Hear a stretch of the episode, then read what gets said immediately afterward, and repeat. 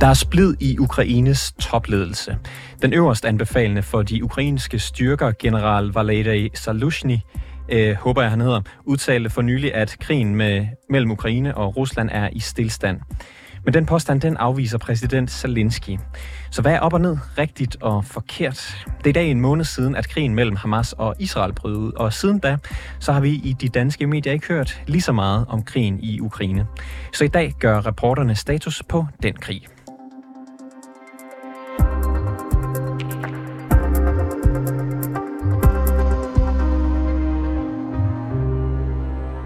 Peter Viggo Jacobsen, du er lektor ved Forsvarsakademiet. Er krigen i Ukraine gået i stå, som Ukraines topgeneral forklarer i et interview med The Economist? Ja, det gjorde den i november måned sidste år, så det må man jo sige, at manden har ret i. Og når jeg siger det på den måde, så er det jo fordi, at fronterne stort set ikke har flyttet sig, siden at øh, Ukraine erobrede området ned omkring Kherson, nede ved floden, og skubbede russerne tilbage over på den, den østlige side af floden, nede omkring Sortehavet. Så hvad er det lavet i mellemtiden? Jamen, de har slåsset begge parter temmelig intensivt. Russerne startede jo året med en ret stor offensiv, hvor man prøvede at se, om man kunne tage noget mere land ude i, i Donbass, og der var blandt andet nogle hårde kampe omkring byen Bakhmut, som, som folk sikkert har hørt en hel masse om. Og sidenhen så fik vi jo en ukrainsk modoffensiv, der først blev øh, annonceret som en forårsoffensiv, og så skete der ikke rigtig noget. Og så blev det lavet om til en sommeroffensiv, og så har vi set Ukraine forsøge sig og se, om de kunne rulle russernes øh, front op og skubbe dem baglæns. Og så her, inden lukketid, lige inden muddersæsonen starter, så har russerne her den seneste måneds tid til halvanden presset rigtig hårdt på, for at se, om de kunne erobre en lille by i nærheden af Bakhmut, der hedder Abditka. Og det er heller ikke lykkedes for russerne. Så vi har set begge parter investere meget materiel og rigtig meget personel i at prøve at bryde, gennembryde den andens linjer. Men det er ikke lykkedes. Man har flyttet nogle 100 meter her og der, og et sted, i enkelte steder er ukrainerne gennembrudt en enkelt russisk forsvarslinje, men så har der været flere forsvarslinjer bagved. Så ingen af parterne har været i stand til at, at, at, at bryde det dødvande, som den her ukrainske general taler om. Så har, så har han også ret i, at sandsynligheden for, at det gennembrud i krigen, det, det, det skulle komme øh, lige forløbig, er, er lav? Ja, 100 procent, fordi der er to gode tidspunkter at slås ind i Ukraine. Det er om sommeren, når jorden er solhård, og så er det om vinteren, når den er frosthård. For i mellemperioderne, så bliver jorden så blød, at man er nødt til at blive på banede veje med sine pansrede køretøjer, hvad enten det er pansrede mandskabsvogne eller det er kampvogne.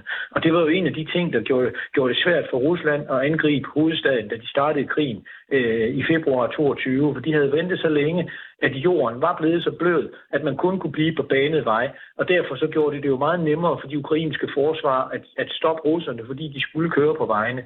Så, så derfor så øh, nærmer vi os nu snart øh, situationen, hvor jorden begynder at blive for blød, og det sætter en helt naturlig dæmper på kampene.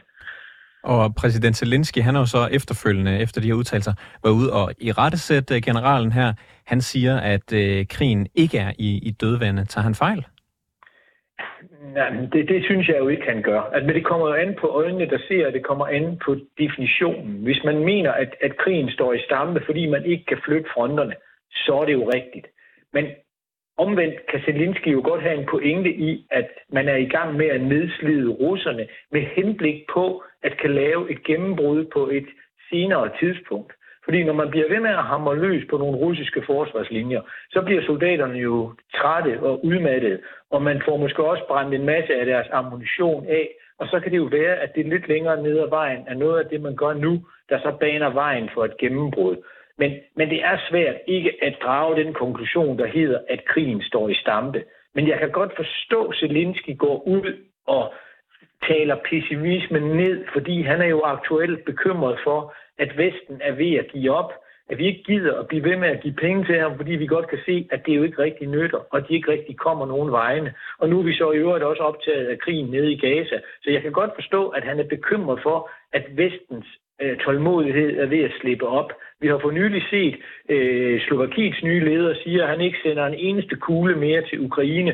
Og der er jo også rumlen i det republikanske parti i USA, der siger, at man også bruger alt for mange penge på Ukraine, og man burde bruge dem på sine egne borgere i stedet. Og, og, jeg kan godt forstå, at Zelensky er ude for at prøve at tale øh, deres, deres, deres krigsindsats op. Ja, for skader det ukrainerne, når nu sådan en, en topgeneral går ud og siger, at, at der er stillstand? Altså skader det deres mulighed for at få mere støtte fra os i Vesten? Nej, altså det, det, det mener jeg ikke, det gør. Der er også, man er også nødt til at være ærlig. Man er også nødt til at have en ærlig kommunikation, og man er nødt til at være ærlig omkring, når det ikke går så godt, som man kunne ønske sig. Og derfor synes jeg sådan set, at det er rimeligt nok, at generalen går ud og påpeger, at man, man altså har det svært. For det han jo også siger, det er, at Ukraine har brug for mere hjælp, hvis de skal bryde igennem. Så man kan sige, at generalen prøvede på sin måde at råbe, råbe Vesten op, og Zelensky gør det så på en anden måde. Så jeg tror, at begge parter gerne vil det samme, fastholde den vestlige støtte, og gerne vil have den øget, men de er så uenige om, hvordan det gøres mest optimalt. Og hvis der så er den stillstand, som øh, generalen siger, som, som du siger, der i hvert fald er i, i en definition af ordet, øh, hvad skal der så til for, at Ukraine kan få et gennembrud? Jamen, men det er jo et rigtig, rigtig godt spørgsmål.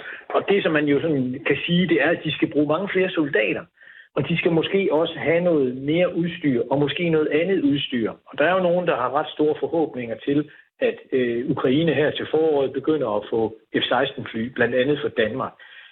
Jeg er personligt ikke overbevist om, at det kommer til at gøre nogen stor forskel, fordi F-16 er godt nok et meget bedre kampfly end de MiG-fly, som ukrainerne bruger i dag, men de er stadigvæk sårbare over for det russiske luftforsvar. Og, og det, der er det store problem for ukrainerne, det er, at de kan ikke få nedbrudt det russiske luftforsvar, således at de kan bruge deres fly til at støtte de soldater, der rykker frem på jorden. Og når man ikke kan få, få etableret sådan et luftherredømme, så er det rigtig, rigtig svært at gennembryde så, så, så hvad det hedder, kompakte forsvarsværker, som dem russerne har bygget op. Og derfor så er jeg altså ret skeptisk på, om ukrainerne lykkes med at bryde igennem, når de prøver igen til foråret og, og næste sommer.